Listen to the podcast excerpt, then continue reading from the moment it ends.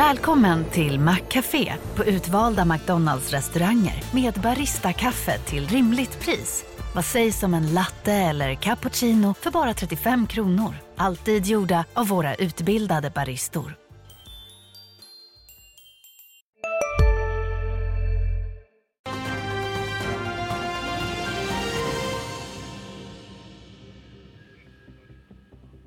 Det lackar mot andra advent. Det har hunnit bli fredag den 8 december. Vi säger välkomna till Börsmorgon. Tokyobörsen går mot sin sämsta vecka sedan oktober på förnyad ränteoro. I övrigt är det positivare tongångar i väntan på amerikanska jobbrapporten i eftermiddag. Tech agerade ju draglok på Wall Street igår. I dagens program fördjupar vi oss i Eh, Spotify efter neddragningen eh, så får även finanschefen kicken. Vi tittar närmare på börsfloppar genom tiderna och så ställer vi frågan hur ska man tänka tänka kring investeringar i AI-bolag. Gäster idag, vår egna Kalmarkorre Ulf Pettersson på plats här i studion tillsammans med eh, Evelina Antila som, från VC-bolaget Wall Street. Välkomna! Tackar, tackar. Vi eh, har ju sett att börsen eh, har mått väldigt bra här i höst eh, och Googles chatt-GTP-dödare Gemini lyfte ju hela sentimentet på Wall Street igår. Spännande vändning tycker jag givet att marknaden handlade ner Google när ChatGTP kom? Mm. Ja, men det är ju jättespännande tider som vi lever i och nu när eh, Google har kommit med sin eh, Gemini som är ju på riktigt en utmanare till GPT-4 till exempel. Så, eh, så får vi se vad det här eh, innebär. De har ju presenterat nu en, Ehm, en modell som egentligen kan catera för datacenter och mobila enheter. Den kommer i tre versioner. Ehm, och eh, det, vi har ju ett pågående AI-race eh, och vi har tyvärr idag kanske alldeles för få bolag som driver den utvecklingen. Så att jag tror potentiellt så ser vi nu den här maktkoncentrationen ännu mer etableras. Mm. Och det här kommer vi prata om mycket eh, under hela eh, programmet med Uffe. Går marknaden för bra att ett bolag som Alphabet kan lyfta över 5% på en enda produkt? Ja, Sentimentet är ju fantastiskt starkt nu. Det är liksom en supersen förändring jämfört med oktober då vi var ner eftersom räntorna i USA var upp och nu är vi här i november och december är vi kraftigt upp och det kan mycket väl fortsätta ett tag till då, bara farten. Det, det tror jag det kan göra men, men som sagt var det det har ju gått väldigt kraftigt också. Det är alltså det är fjärde veckan i rad. Om vi nu så att säga håller oss på plus idag också så är det fjärde veckan i rad vi är upp. Det har inte hänt sedan oktober förra året. Eh, eh, vi har liksom all time high noteringar på en del Volvo och Atlas och sånt där. Så det, och de, att de stiger det är ju att det är, det är liksom koncentrerat till, till liksom tech i USA och storbolagen i, i Sverige fortfarande tycker jag. Mm, men blir det att du känner att det är en bubbelvarning? Ja, alltså tar vi, tar vi Tar vi Alphabet då så, så var ju den ner 10% på sin rapport senast man fick se siffror och nu har ju den hämtat tillbaks det där så det är klart att det är en ganska stor rörelse på en, normalt sett så brukar liksom bolag som kommer med besvikelse brukar liksom utvecklas sämre än börsen eh, kommande månader. Men här har den liksom vänt upp till följd av de här nyheterna som kom nu och ett, ett, Så det är lite stretchat kanske men jag vet inte om det är liksom en, en bubbla eller om det är slut. Men det är liksom. definitivt en hype skulle jag ja. säga. Mm. Och vi såg ju den för drygt sex år sedan också med de liksom framsteg som sker i utvecklingen och man ser en peak. Och jag tycker det här året har ju tyvärr kanske lite för mycket färgats av just den här hypen. Och eh, i det spacet där jag rör mig, vilket är väldigt tidiga bolag, vi pratar onoterade bolag i väldigt, väldigt tidigt skede. Eh, där är det ju full-blown hype som är just nu. Och samtidigt som det är lite svårt att navigera i det landskapet eftersom vi ser nu de här större bolagen lanserar sina modeller som på något sätt kanske blir en dödare framåt för andra att eh, komma upp eh, eh och vara, bli utmanare på riktigt. Eh, du, du som kan det här eh, AI mycket bättre än jag är, kommer det bli så att en tar över ungefär som man gjorde på sökmotormarknaden, alltså liksom Alta Vista förlorade och till slut vann Google liksom. Eller kommer det finnas, kommer liksom både Microsoft kunna ha en bra grej och, och alla de andra också så att säga? Eller hur ser man det? Eller kommer det vara någon som är så pass mycket bättre som man kommer använda den? Eller hur? Ja, men vi ser just nu att vi kan nästan räkna dem på en hand, mm. eh, de spelarna som nu leder den här utvecklingen. Mm. Och det är ju problematiskt tycker jag, inte minst ur ett demokratiperspektiv mm. i vilka som faktiskt får tillgång till eh, teknologin. Eh, nu ser vi ju utmanare komma också från Frankrike, från mm. eh, Tyskland och vi har en förestående AI-lagstiftning där eh, vi nu har en pågående debatt mm. fortfarande trots att man egentligen skulle mm. kommit till någon form av överenskommelse den här veckan. Eh, och en av anledningarna till att det fortfarande inte är så att man har kommit överens är just för att det finns en våg av intressenter i EU som tycker att det ska vara en mildare lagstiftning mm. så att det inte ska hämma innovation eh, som i sin tur skulle kunna leda till att vi just eh, får de här supermakterna inom, inom AI. Ja, som hamnar i USA och Kina då, inte Europa helt enkelt. Precis, mm. exakt. Mm. Men det är ganska spännande, jag tänker generellt också med liksom den här AI-hypen och det jag tror vi kommer se lite mer av nästa år är kanske att det blir en form av mognad eh, i hur man använder AI. För nu har det ju varit ett år där vi har sett alla möjligheter. Tittar man på storbolagen så upplever vi att eh, det finns ett stort intresse för eh, tidiga bolag, alltså startups. Eh, och framförallt i att man börjar titta på operationell AI. Hur kan man börja använda AI i verksamheten för att faktiskt effektivisera som i sin tur kommer generera någonting på sista raden. Eh, och där ser vi egentligen att storbolagen har ganska eh, stort eh, eh, övertag i form av att man har resurser, man har en kundbas, man har ett förtroende. När du sen börjar då mappa ut i verksamheten, vad är det vi lägger mest tid på, hur kan vi effektivisera?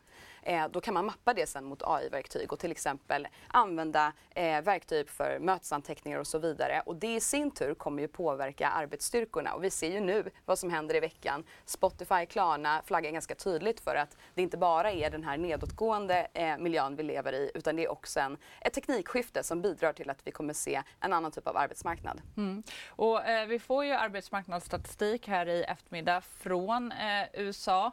Eh, förväntan där är ju att sysselsättningen ökar med 180 000 personer. Eh, Uffe, i, i det här känns det som att AI kanske inte riktigt kommer färga dagens siffror men att eh, det ändå är det marknaden tittar på. Eh, ja, eh, jag tror liksom AI kommer, det pratas om att det ska slås bort, slå bort människan och då kommer vi få andra siffror men vi får väl se liksom. Det finns många också som säger att det kommer liksom skapa jobb också fast bara i andra sektorer. Eh, tar vi dagens siffror då eh, så är det inte så mycket AI idag utan men det är 180 000 nya sysselsatta. Eh, 150 var det förra månaden. Eh, skulle den liksom komma in över 200 så kommer vi ha en press på börsen. kommer den in lågt så kommer vi ha ett uppställ på börsen eftersom man fortfarande vill liksom Liksom, vara säker på att vi får räntesänkningen nästa år från Fed. Då. Sen så är det nog så viktigt att titta hur löneutvecklingen har varit. För blir den hög så är det också negativt för börsen då eh, eftersom det kan liksom göra att inflationen håller i, håller i sig. Mm. Men eh, eh, Evelina, du var inne på det. Eh, det har ju varit eh, neddragningar på Spotify här i eh, veckan och nu får även finanschef eh, Paul Vogel gå. Mm. och I måndags fick vi veta att 17 procent ytterligare av personalen fick sparken man är inne på att det är nytt ledarskap som behövs. Mm. Ja, men precis och jag tycker att de liksom, trenderna har vi ju sett kanske redan tidigare i år. Eh, jag tänker blickar vi mot USA som ofta brukar ju vara lite föregångare och sen så kommer det hit. Så såg vi strejker i Hollywood till, till följd av egentligen eh, AI-användning i en större utsträckning och jag tror att vi kommer nog se den typen här också. Eh, jag vill inte påstå att det nödvändigtvis kommer vara mer strejker men jag tror att vi någonstans måste ta höjd för det. Och jag tror att här är väl någonting som vi kanske inte riktigt eh, Eh, har fått ett eh, ordentligt grepp om i samhället än. Alltså, vad kommer det här teknikskiftet innebära för samhället och hur förbereder vi, för, eh, förbereder vi oss generellt för det? Eh, och jag tror att här behöver man någon form av visionär, visionärt ledarskap både på liksom samhällsnivå men också i, inne på företagen. För det är precis som du säger, det här kommer innebära en annan typ av eh, ledarskap och det handlar ju också om att inte minst eh, kommunicera det här på ett tydligt sätt. Och sen så vad ska vi göra med de som nu lämnas utanför? Vart kommer de eh, hamna härnäst. Mm. Men tänker du på personal eller tänker du på bolagen? Eh, både och. Mm. Jag tänker på personalen främst. Eh, för att vi kommer ju se det här och då tror jag att man måste nästan förekomma det. För att det, det, det har börjat nu på de här snabba bolagen som eh, är lite mer snabbfotade. Men jag tror vi kommer se det i större utsträckning och där måste man som ledare nog ha ett mycket mer visionärt tänkare, tänkande och eh, kommunicera det. För det kommer påverkar många. Mm. Ja, men, och, uh, Uffe Klarna sa ju här i veckan att man uh, fryser anställningar utanför sin teknikavdelning just för att man tror att fler jobb kan utföras av AI uh, eh, och att det här kommer leda till enorma besparingar. Det här känns ju som om man har möjligheten till att man verkligen kan spara pengar och ja. skörda stora framgångar? Det tror jag. Eh, som Spotify är ju 10 000 anställda. Det har ju växt något enormt liksom, så det är klart att de har anställt väldigt mycket folk och kan säkert ta bort folk. Men det, det man, anledningen att man gör det här är ju att man vill man vill liksom dra ner på tillväxttakten kan man väl säga och, och då liksom börja visa högre vinst. Eh, det, det, det är lite kostnadsbesparingsprogram det handlar om. Och att finanschefen får gå, någon, någon måste ju få gå högst upp också och då blir det finanschefen och det är möjligt, det är rätt. Jag är inte så insatt men det är klart att om det, en, om det nu är liksom fokus på kostnader och, och, och efter tidigare varit expansion så kanske man behöver någon mer eh, lite gråare person på den posten kanske. men, och jag tror att du är inne helt eh, på rätt spår där också. Det är ju inte bara liksom AI som är, eh, ligger här och spökar bakom utan det är ju generellt den marknaden vi lever i där värderingar har gått ner. Det är tuffare att resa kapital mm. idag. Eh, och vi har ju sett att vi har gått från bara tillväxt till varje pris till att man nu snarare tänker unit mm. economics och en mm. sundare affärsmodeller. Sen eh, verkligheten för oss mm. investerare är att vi gärna vill ha båda. Ja. Men det var, liksom, Spotify har ju haft marknaden med sig får man ändå säga i den här strategin och det är en sån här och det är det som många håller på med. Det är den här landgrabbing-strategin att man är beredd att ta väldigt stora förluster om tillväxten är hög så man kan skapa sig en position och sen så kommer så att säga efter det så kan man börja spara kostnader och höja priserna och sådär. Mm. Det är liksom så man, så man jobbar.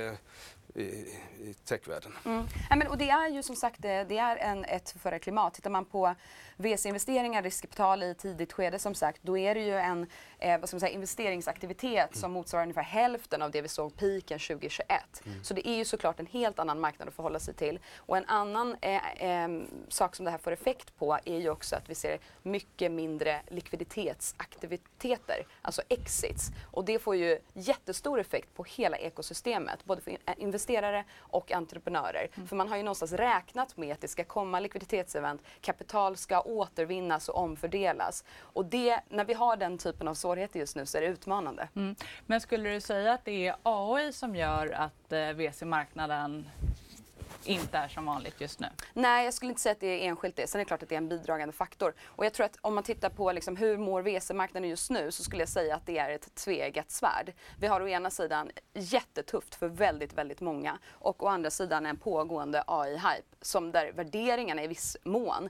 är vad vi ser, såg i liksom hypen, bubblan 2021 eller vad vi ska kalla det.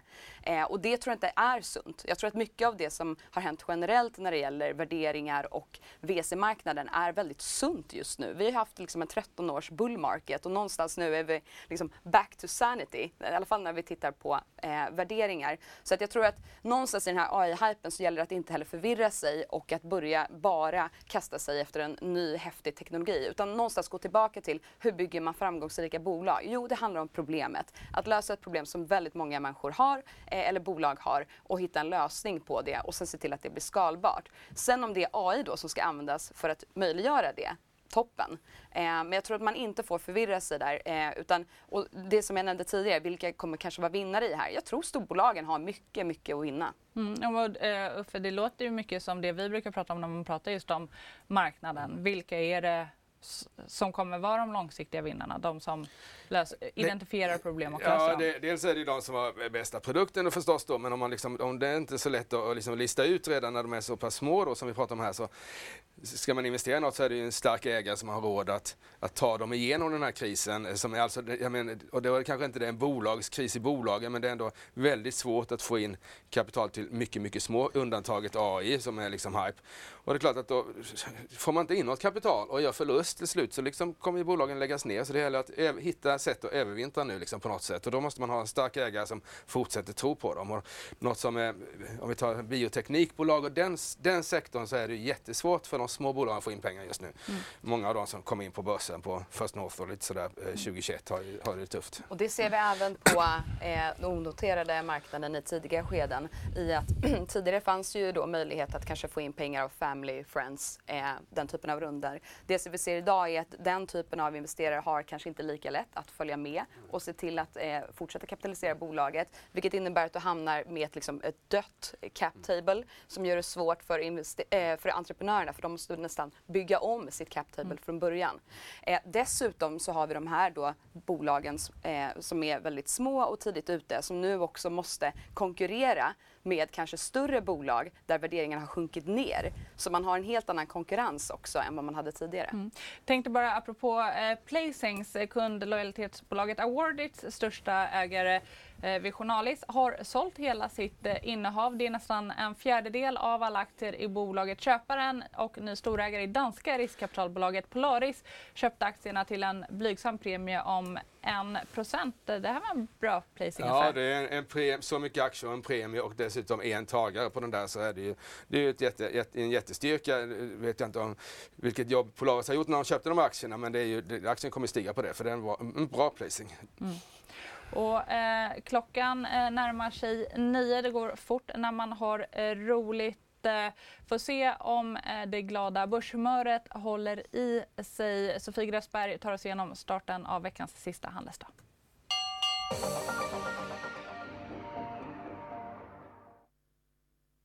Vi får se om det blir en glad fredag på Stockholmsbörsen. Så här, precis vid börsöppning så är det väldigt avvaktande och rör sig mest i sidled. Om vi tittar på storbolagslistan däremot så ser vi att Ericsson stiger upp nästan 2% De har ju fått köpstämpel av Jeffries.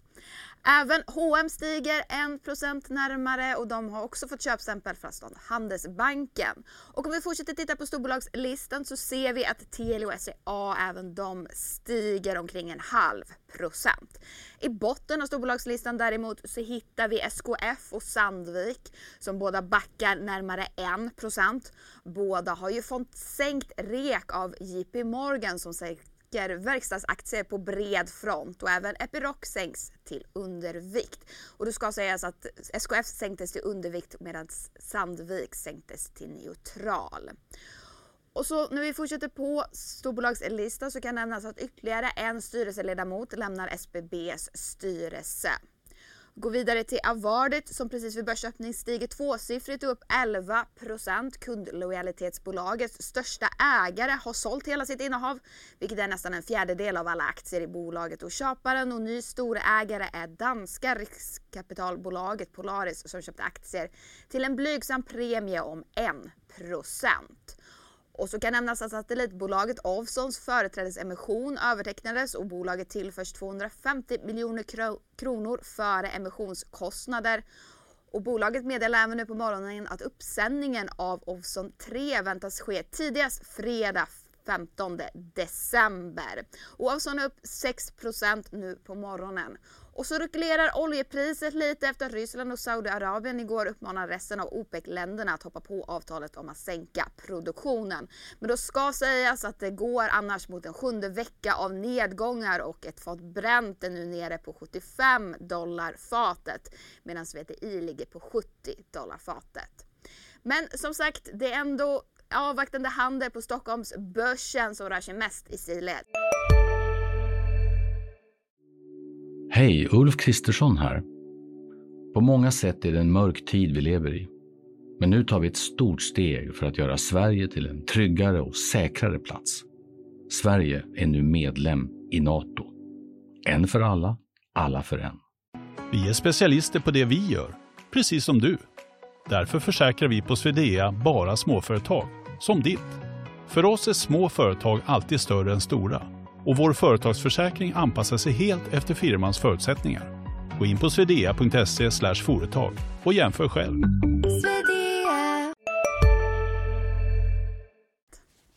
Mm, mest i sidled Uffe, eh, men tydligt nedåttryck på verkstadssektorn där vi pratade om precis innan mm. om att det är uppe på all time high nivåer.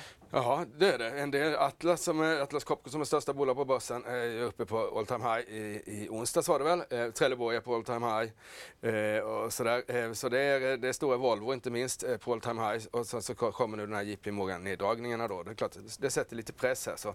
Men marknaden håller emot ändå ganska väl. Vi är upp på eh, eller oförändrad på breda index upp 0,1 på OMX30. Ehm, det som, det som gör att börsen liksom ändå, ändå mår hyfsat bra så är det ju eh, Ericsson som fortsätter upp efter den här stora affären, eh, storordern tidigare i veckan har haft en stark utveckling även efter den. Så det, ja, vi får se. Men det kommer nog inte vara så stor rörelse nu eh, utan de stora rörelserna kan ju komma halv tre istället när sysselsättningssiffrorna kommer i USA. Mm. Men vad säger det här och sen, för jag tänker att vi får ju eh, BNP-siffror för oktober som ändå visar på att BNP stiger 1% förvisso bara i månadstakt, 0,2% i årstakt. Eh, liksom, sämre konjunktur och samtidigt då att verkstaden tuffar på på det här sättet mm. trots att man får de här neddragningarna. Men, men BNP-siffran var väl ändå ett fall framåt mot senaste månaderna då det var minussiffror totalt. Så det, det, det, och det är det man liksom hoppas på nu, att det ska bli en mjuklandning, alltså att, man, att vi kommer liksom få en nedgång och det tar vi liksom det som har drivit upp Volvo till toppnivån här så var det ju starka, starka eh, siffror från eh, försäljningen i USA då för, för november här tyder på att liksom fortsatt stark marknad och att kanske att Volvo ligger lite lågt i sina prognoser om det nu fortsätter så för 24, men det vet man inte en månad, det är bara en månad. Men, men att det ändå liksom rullar på förvånansvärt bra i många sektorer. Men så har vi en del som det inte rullar på och det är ju bostadsbyggandet i, i, i Sverige exempelvis där det är tvärnit. Samtidigt får jag inte ihop det här att BNP-siffrorna är starka och en stark marknad som ju faktiskt prisar in att vi ska få eh, snabbt fallande räntor. Ja, precis. Och det, är ju alltså, eh, det skulle bli spännande att se hur, hur TDN och alla de andra centralbankscheferna gör, för de vill ju de vill ju inte ha en för stark ekonomi nu. De vill liksom se till att, eh, att, att eh, inflationen går ner till de här 2 procenten. Men, men det som marknaden tror nu, eller hoppas på nu, det är att vi, att vi kan ändå ha tillväxt i, i ekonomin och vi får ändå ner inflationen till under 2 procent. Och tar vi det som vi var inne på nu här, oljepriset så, som har fallit eh, sex veckor i rad, det är ju väldigt positivt för, för inflationen framåt. Mm. Och, eh, den här konjunkturen där man går och väntar på att det ska bli en mm. avmattning. Hur viktigt är det här för VC-marknaden? du, du, sa det att det börjar bli lite mer mm. normaliserat och kanske att man har kommit eh, bort Precis. från den här bullmarknaden. Ja, ja men exakt. Och, men, och jag tror också så att tittar vi på ekosystemet generellt just nu och i Europa så skulle jag säga att det mår ändå hyfsat bra och det är nog mycket tack vare även den publika marknaden. Ehm, men det som, det som är utmaningen det är just att det tar väldigt lång tid att resa kapital både för eh, grundare men också för VC-firmor. Så det, det som vi säger till eh, startups som vi träffar är att förbereda sig mycket, mycket tidigare. Kanske avvakta att ta in kapital om det är möjligt eh, för att på något sätt rida ut det värsta. För det är en helt annan typ av marknad att röra sig i. Det är en helt annan typ av finansiella milstolpar som, eh, som man har att förhålla sig till som entreprenör. Om man nu vill välja att finansiera sig via eh, VC-kapital. Mm. Vi kan säga det att eh, apropå få in eh, pengar så utanför börsen har ju svenska Modular Finance som bland annat driver Holdings eh, fått en ny delägare. Brittiska teknikinvesteraren Sprints har köpt 40% av bolaget. Köpsumman är okänd men grundarna Petter Hedborg, Måns Flodberg, Rasmus Holm de behåller majoriteten av sina aktier. Här tycker jag är lite spännande just att man ändå kan se den här typen av affärer. Mm. Ja, det står ju ingen prislapp på det där men det har ju skrivits i olika medier om att eh, 2,3 miljarder men det vet vi inte om det blev till slut då för hela bolaget. Och det är ju ett bolag som kanske inte är så känt publikt men vi som är i den här branschen känner till det för det, hela all ägarstatistik finns ju där som vi alltid tittar på och den har ju utvecklats. De har gjort det jättebra sedan de startade upp det här bolaget. Eh, eh, eh, och det är klart, det är en sån där affärsmodell som, som riskkapitalister älskar. Och det är liksom en, man säljer en tjänst där liksom merkostnaden för en ny kund är noll i stort sett för det är liksom samma information man säljer till, till samma, samma, samma person egentligen. Så det, och prenumerationstjänst och sådär och sen så höglönsamt. Så, så ja.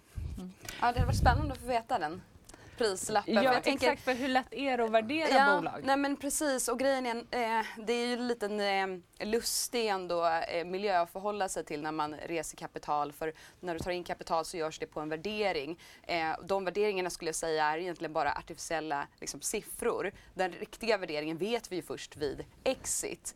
Eh, och det tycker jag också är någonstans eh, något vi ibland glömmer bort. Att man eh, i media till exempel porträtterar att nu tar bolaget X in 100 miljoner och till en värdering av X.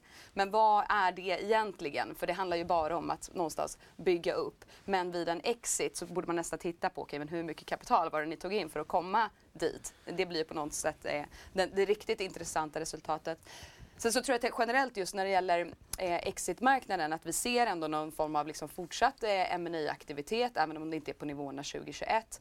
Ehm, eh, noteringar är ju liksom tuffare. Eh, från ett eh, VC-perspektiv, om man tittar på VC-backade bolag, så tycker jag att den, vi har sett en intressant eh, trend som tidigare har varit att Eh, de exitmöjligheter du har är egentligen en industriell köpare, eh, M&A helt enkelt, eller att man gick till börsen. Eh, och en, om man tittar åren 2006 till 2010, då var det där också en liten mindre eh, valmöjlighet i form av att man gick till PE, alltså private equity-hus som, som köpte bolagen och kanske gjorde en grupp av det. Den siffran har nu växt så att om man tittar eh, 2021 till 2023 så är det nu uppe på 24 procent om man tittar på hur Eh, exitmöjligheterna ser ut. Så jag tror att vi kommer gå mycket mer åt det hållet, vilket återigen eh, gör att det är lite nya förutsättningar för investerare att förhålla sig till på marknaden. För det ställs lite andra krav från P. Ja, men, men gör det också att man då eh, börjar titta på andra typer av bolag? Som investerare? Ja. Um, jag skulle säga det är väldigt mycket drivet av vad du har för investeringstes i din fond. Men däremot så tror jag att man kommer jobba på ett annat sätt med bolagen i sin portfölj. Jag tror att man kommer jobba mycket mer aktivt med exitstrategier eh, i ett mycket tidigare skede. Eh, att det, det tänket som PE-bolag egentligen har anammat, att vi kommer se den typen av principer mycket mer eh, anammas också av eh, VC-kapital i tidigt skede. Att man förbereder det för att om vi ska sälja det här bolaget om 8 till 10 år, var behöver det vara då? Och sen att man någonstans rullar tillbaka och tittar, okej, okay, vart behöver det vara om fem år, om tre år, två år? Eh, så att det blir lite mer operationell excellens i hur man också jobbar med bolagen. Mm. Går det att göra bra exits nu? Eh, bra bolag har, kan liksom både resa pengar och göra bra exits. Eh, så skulle jag säga att vi har liksom sett en tendens där eh, när enkla pengar inte är tillgängligt på samma sätt så innebär det också att det blir en annan typ av resiliens skulle jag säga kring bolagen i sig. Eh, vi ser när grundare nu bygger bolagen så är det sundare affärsmodeller. Man tänker mycket mer på eh, unit economics så att det blir inte det här uppblåsta på samma sätt. Så att eh, exits går att göra eh, bra och jag tror att det var nog en bra exit som vi såg här. Eh. Ja, det var det ju säkert. Jag kan inte tänka mig att de har investerat så många, många kronor i det där så det var nog en väldig vinst på, på investerat kapital. Mm.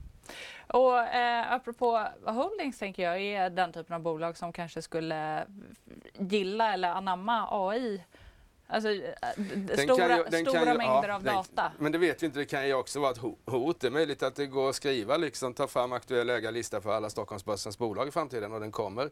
Då behöver man gärna inte betala till, till holdings, men det får vi väl se hur, hur, hur stort det här AI blir helt enkelt. Mm. Ja, men för jag tänkte att vi skulle fortsätta prata lite mm. om eh, just eh, AI. Eh, vi har ju pratat om det här under hela året. Det är ju mycket AI eh, hypen får jag ändå säga som har drivit marknaden om vi tittar på Magnificent Seven till exempel. Och många tenderar ju att springa åt samma håll så hur ska man då tänka kring investeringar i AI-bolag?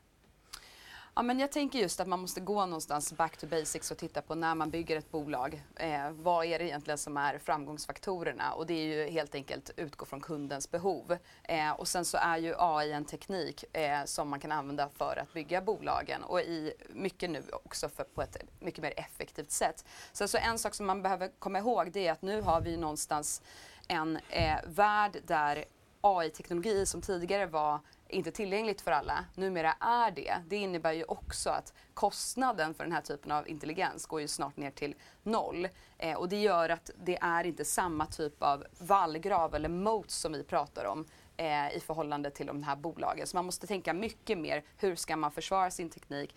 Eh, så att det inte egentligen är så att man kommer konkurrera till slut med Microsoft eller Google för att man är en funktion, en feature, eh, som egentligen då kommer ehm, egentligen eh, inte har en chans mot de här stora jättarna. Så att det är någonting när vi tittar på bolag, eh, försöker hela tiden eh, med någon form av spåkula, för vi vet ju inte, det går ju så otroligt fort just nu. Eh, men att tänka just på den här försvarbarheten och då kan ju till exempel proprietär data eh, vara en sån sak. Och återigen, därför tror jag ju att storbolagen har mycket att vinna på det här för att man sitter kanske på just den datan. Mm. Kan man säga någonting om liksom, i vilka sektorer det bubblas eller hypas mest? Utöver det uppenbara kanske som Nvidia? Eh, ja, nej, men exakt. Det är ju någonstans eh, hela infrastrukturen och grunden är ju jätte, jätteviktig i det här. Eh, nej, men allt inom generativ AI, Gen AI, eh, har ju varit den stora liksom, hypen och det man har pratat om eh, hela det här året. Och där tror jag ju mycket att det är eh, tjänstesektorn som står lite i eh, skottgluggen här eh, eftersom det är mycket effektiviseringar som kan göras eh, med repetitivt arbete. Så det har ju varit en sån sak. Mm. Och vi ska prata ännu mer AI alldeles strax, men vi har ju eh, faktiskt eh, ett eh, listbyte på agendan idag. Det är gruvprospekteringsbolaget Copperstone som har bytt lista från First North till Nasdaq. Eh, och det som återstår på agendan nu för bolaget är huvudförhandling kring deras miljötillståndsansökan för drift av Viscariagruvan. Och med oss nu VD Jörgen Olsson direkt från Kiruna. Vad innebär det här listbytet för er? Eh, för det första så är det en fantastiskt rolig händelse. Eh, alldeles nyss här så kunde vi på skärmarna bakom mig eh, se Copperstones logga, detta Kiruna-bolag. Vi har ju säte här uppe i Kiruna. Eh, på Nasdaqs stora tv-studiotorn på Times Square, New York. Första gången som ett Kiruna-bolag syns på Times Square, New York. Det är historiskt. Och det är också så att vi har ringt i klockan här uppifrån Kiruna idag med Nasdaq närvarande. Och då har vi alltså öppnat Stockholmsbörsen ifrån Kiruna. Det tycker vi är fantastiskt roligt. Eh, Copperstone är ju alltså ett bolag med säte i Kiruna. Våra anställda bor här med sina familjer, barn. Eh, vi arbetar aktivt för att den här stan ska växa. Listbytet innebär ju naturligtvis det är en kvalitetsstämpel. Ehm, institutionella investerare ehm, vill att du ska vara på huvudlistan. De vill lita på kvartalsrapporter, årsredovisningar, eh, hur governance sköts mellan styrelse och ledningsgrupp. Så det är ett viktigt kvalitets eh, Eh, märke för oss att mm. klara av och nu ta till huvudlistan. Mm. Jörgen, om vi pratar lite om verksamheten också. Ni är ju faktiskt inte igång med driften av Viscariagruvan än. Hur långt bort är det? Eh, vid glädjande så fick vi då sent igår kväll vid fyra till ungefär meddelande från Mark och miljödomstolen att vår huvudförhandling startar tisdagen den 30 januari. Eh, helt enligt vad vi har planerat men även önskat. Så att nu är vi på rälsen så att säga. Dressinen har kopplats upp på rälsen och nu finns det ingen återvändo. Eh, huvudförhandlingen kan ta allt mellan två till fyra veckor. Och sedan så har du en dom som, som kommer efter det, eh, fyra till kanske åtta veckor efter det. Vi får se, men vi har ett stort förtroende för eh, det svenska domstolssystemet och Mark och miljödomstolen i Umeå som, som är det säte där vi kommer hålla våra förhandlingar. Mm. Men hur länge dröjer det? Processen kan ju överklagas, det kan ta lång tid.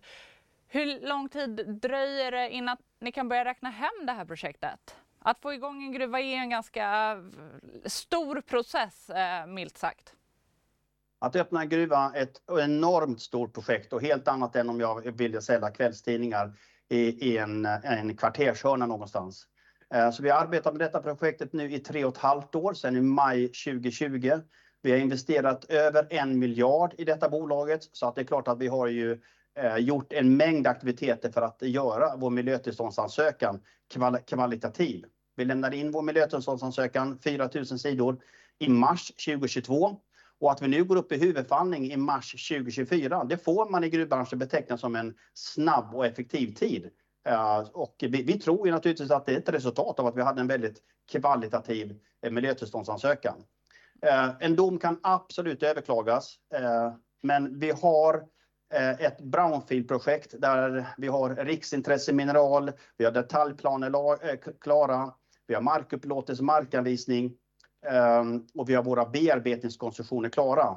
Så vi tror att det finns en stor sannolikhet att vi kan få verkställighetsförordnande som vi också sökt om i miljötillståndsansökan. Och det innebär att vid en dom, även om den överklagas, så kan ju Mark och miljödomstolen ge oss igångsättningstillstånd på sådant som man kan återställa. Det, det innebär ju att man kan inte spränga, men man kan börja avvattna den gamla gruvan, eh, börja med markarbeten och infrastrukturarbeten. Mm. Jag hör att det är flera moment kvar och eh, ni räknar med att behöva ytterligare 4,5 till 5 miljarder kronor i kapital för att kunna starta gruvan, varav 60 procent där är lån. Det här har ni inte säkrat än. Hur riskfyllt är det för investerare att ni inte har säkrat finansieringen? Nej, men alla typer av affärer innebär ju ett visst mått av risk. Och när man investerar så mycket pengar som vi redan gjort så är väldigt mycket av fokus i projektet riskminimering. Alltså att jobba med en sannolikslära. Vad, hur kan vi göra varje arbetsström så att det blir sannolikare med positivt utfall än osannolikare? Så det är inte så att det här är en binär process, svart och vit, slumpen avgör. Ehm, utan de som är insatta i de här avancerade miljötillståndsprocesserna, alltså för miljöfarlig verksamhet, eh, de kan se till exempel i vårt projekt, ganska enkelt, att ehm, det är osannolikt att vi skulle eh, trilla på mållinjen eller att få ehm, alltför utdragna och segdragna eh, förseningar. Vi har gjort en rolig sak som inget annat gruvbolag har gjort i Sverige. Vi har lagt ut all kommunikation, alla yttranden från alla sakägare, alla svar från oss på vår hemsida under tillståndsportal. Det finns inget annat bolag som har haft den här transparensen. Och det har vi gjort för att eh, ingen ska kunna insinuera att ja, men det, de säger sig och så. Det kan nog ta mycket längre tid och, och jag kan inte heller svamla omkring. Eh, utan det är bara all, all kommunikation med alla myndigheter eller privata sakägare eller vem det än må vara finns på vår hemsida under tillståndsportalen. Och därför kan jag med trygghet säga att, att vi har en god framdrift i detta projektet och det är med en god sannolikhet som vi kommer att gå i mål och eh, vi för ju diskussioner med flera intresserade institutioner. Det var en av anledningarna till att vi gick upp på huvudlistan idag, men även på skuldsidan så att jag eh, har, eh, jag sover gott om nätterna och har eh, jobbat på med fortsatt gott mod. Stort tack Jörgen Olsson för att du var med här i Börsmorgon. Eh, Ulf, vi hör ju vad Jörgen säger här, men det känns som att gruvdrift är extra riskfyllt. Du måste ju få ett tillstånd och han sa att det inte liksom är svart eller vitt eller, eller binärt här. Men det är klart, får du inget tillstånd så är det ju väldigt binärt. Eh, han menar på att processen liksom är, går, går inte, det händer ingenting och sen händer det precis. Utan man kan, ska, kan då följa processen. Och, men han sa ju vdn här att det är osannolikt att de inte får tillstånd och det lät ju det det lät ju optimistiskt då. Och sen så ska de finansiera det där. Men klart, får man tillstånd så är det enklare att hitta pengar än att inte få tillstånd för då får man inga pengar. Mm. Inga kopplingar till Copperstone men i början av programmet så eh, sa ju jag att vi skulle eh, titta lite närmare på eh, bolag som inte har gått så bra. Mm. Eh, det är ju mindre än en månad kvar på året och tyckte då att det passade ganska bra att reflektera lite över affärer och det tyckte även vår kollega i dagens tidning.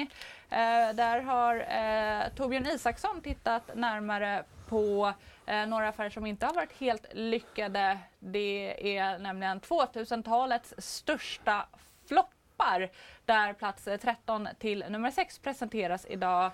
Ulf, vilka är anledningarna till att de här affärerna inte lyckas?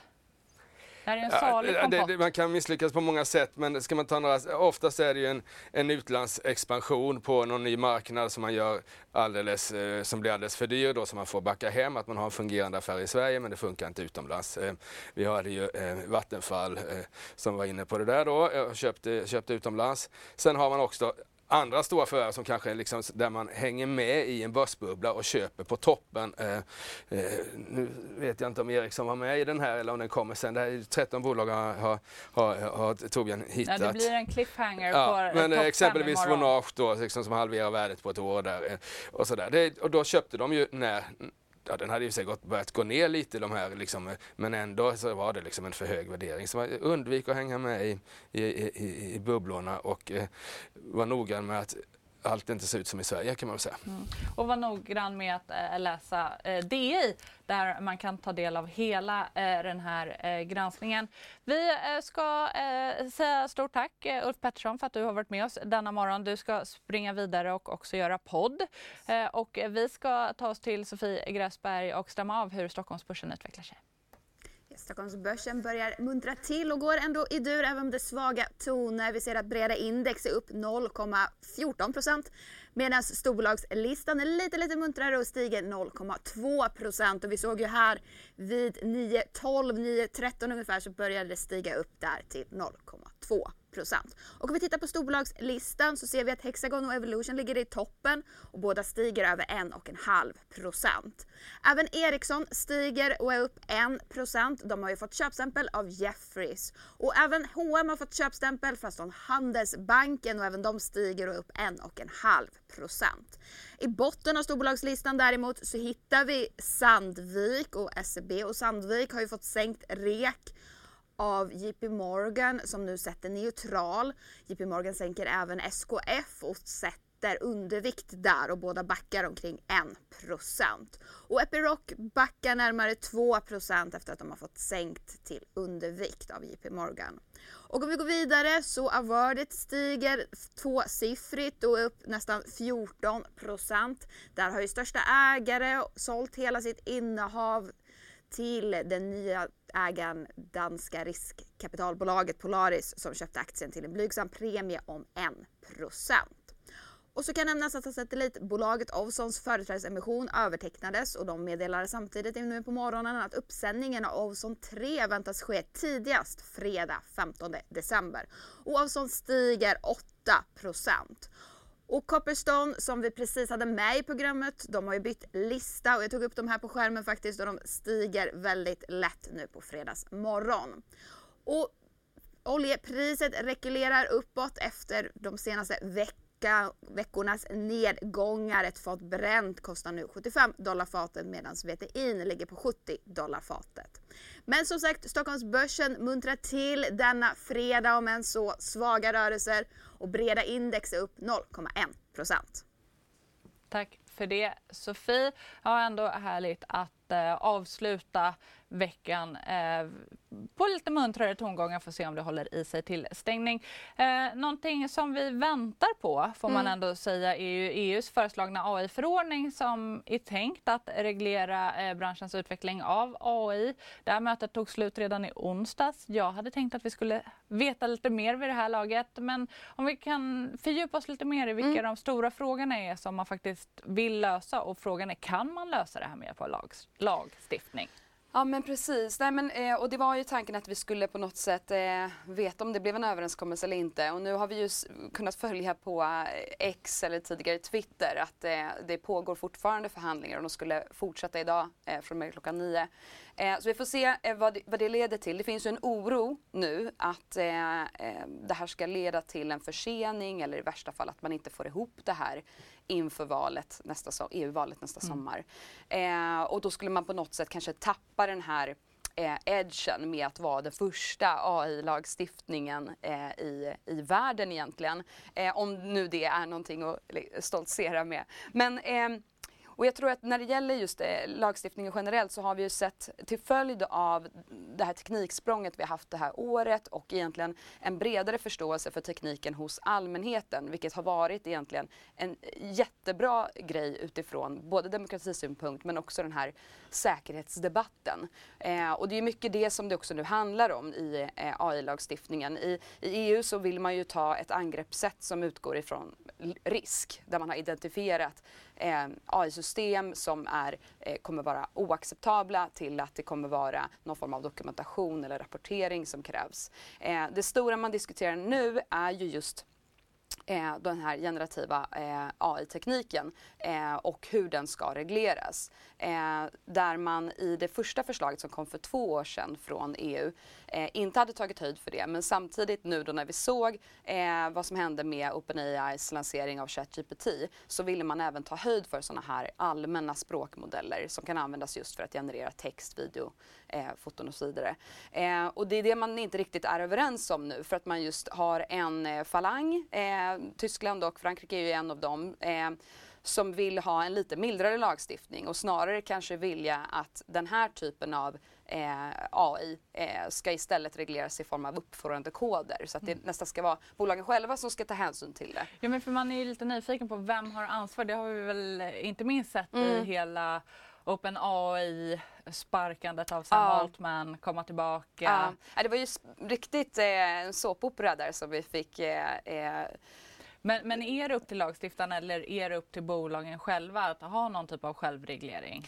Alltså det som jag tyckte blev tydligt med hela eh, debaclet kring eh, OpenAI och vad som hände och sen så kan man ju också faktiskt ifrågasätta eh, den typen av exponering, medieexponering som det fick, eh, var det liksom egentligen proportionerligt? Men det jag tycker satte fingret på det, det var ju ganska tydligt att det fanns ändå, eh, trots spekulationer, eh, en, liksom, en, en diskussion kring eh, idealism och AI-säkerhet å ena sidan och det andra var innovation, springa snabbt. Och där det på något sätt då eh, blev att man skulle välja eh, ändra.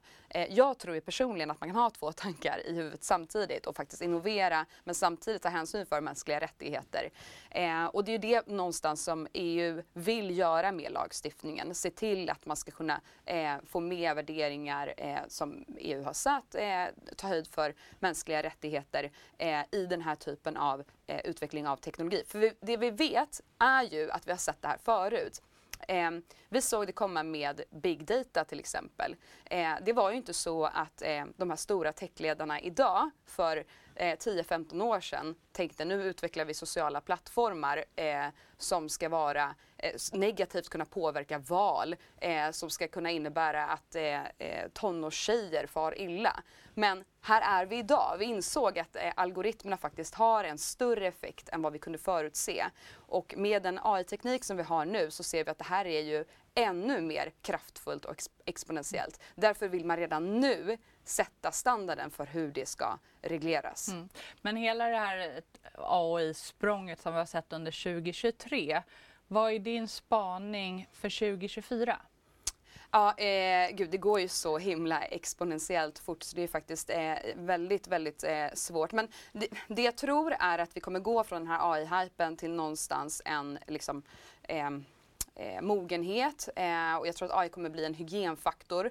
Eh, jag tror att för att vara relevant framåt som bolag så kommer du behöva ha en AI-strategi. Du kommer behöva se till att du har det i din verksamhet. Eh, jag tror liksom inte att vi kommer se AI som ersätter människor men jag tror att det som kommer vara vinnarna det är de bolag som faktiskt har börjat använda eh, AI i sin verksamhet och effektiviserar. Och där startups just nu har egentligen störst eh, möjlighet att springa så snabbast, det är ju att från början kunna sätta eh, en struktur för hur man bygger eh, AI-enabled bolag. Eh, att inte till exempel från början ha stora team som du liksom längs vägen ska behöva eh, kanske då reducera i styrka.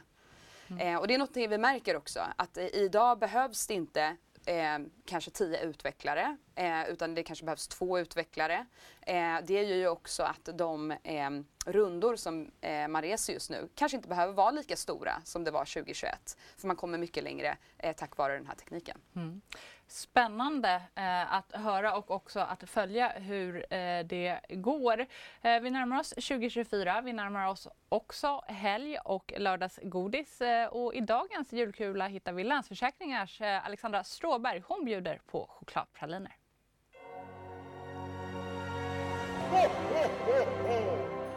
Årets Aladdin-ask den finns ju redan, men jag tänker att vi ska önska lite till nästa års version. Och till nästa år så tror jag att den lite beska likörtryffeln i form av inflationen har lämnat asken. Jag har en förhoppning om en återkomst av trillingnöten, men något uppdaterad och den får innehålla räntesänkningar, stabiliserad konjunktur och kanske ökande bostadspriser. De mer exotiska inslagen som apelsinkanel, ja, men den får vara kvar därför att det kommer att vara fortsatt dyrt att åka utomlands i och med den svaga kronan. Sen har vi det amerikanska valet och det får väl representeras av pärlnougaten. Det finns bara en och det måste man rösta om. Och röstningen kommer nog att stå mellan två ålderstigna herrar. Eh, och vi andra som står vid sidan av, vi tittar väl på det här med både lite spänning och anspänning med tanke på det kanske polariserande resultatet. Sen har vi utmaningen med romrussin. Eh, och det får stå för den geopolitiska oron. Och den finns där, ingen vill ha den, men den måste hanteras. Låt oss hoppas på en diplomatisk gammelfaster som kommer in och på något smidigt sätt navigerar den ur asken till nästa år. Det finns ju en hel del risker eh, som vi ser till nästa år, men vi ska inte heller glömma bort att det finns ett undre lager. Så låt oss hoppas och ändå tänka oss att 2024 blir ett bra år, trots allt. God jul!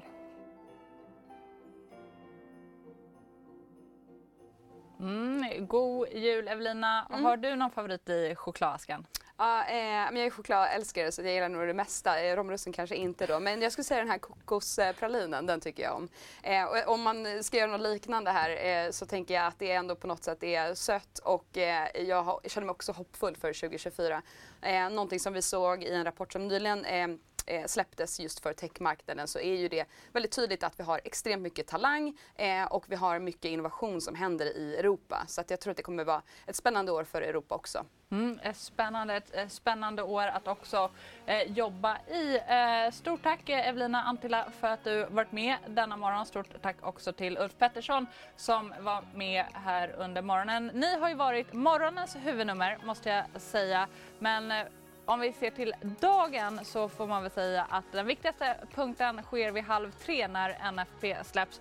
Förväntan där ligger på 180 000 nya jobb. Vi förlänger såklart då Börskoll för att analysera statistiken. Var med oss från klockan två när programmet startar. Med det sagt så önskar jag och vi som jobbat denna morgon er alla en riktigt fin dag och en trevlig helg när den väl kommer.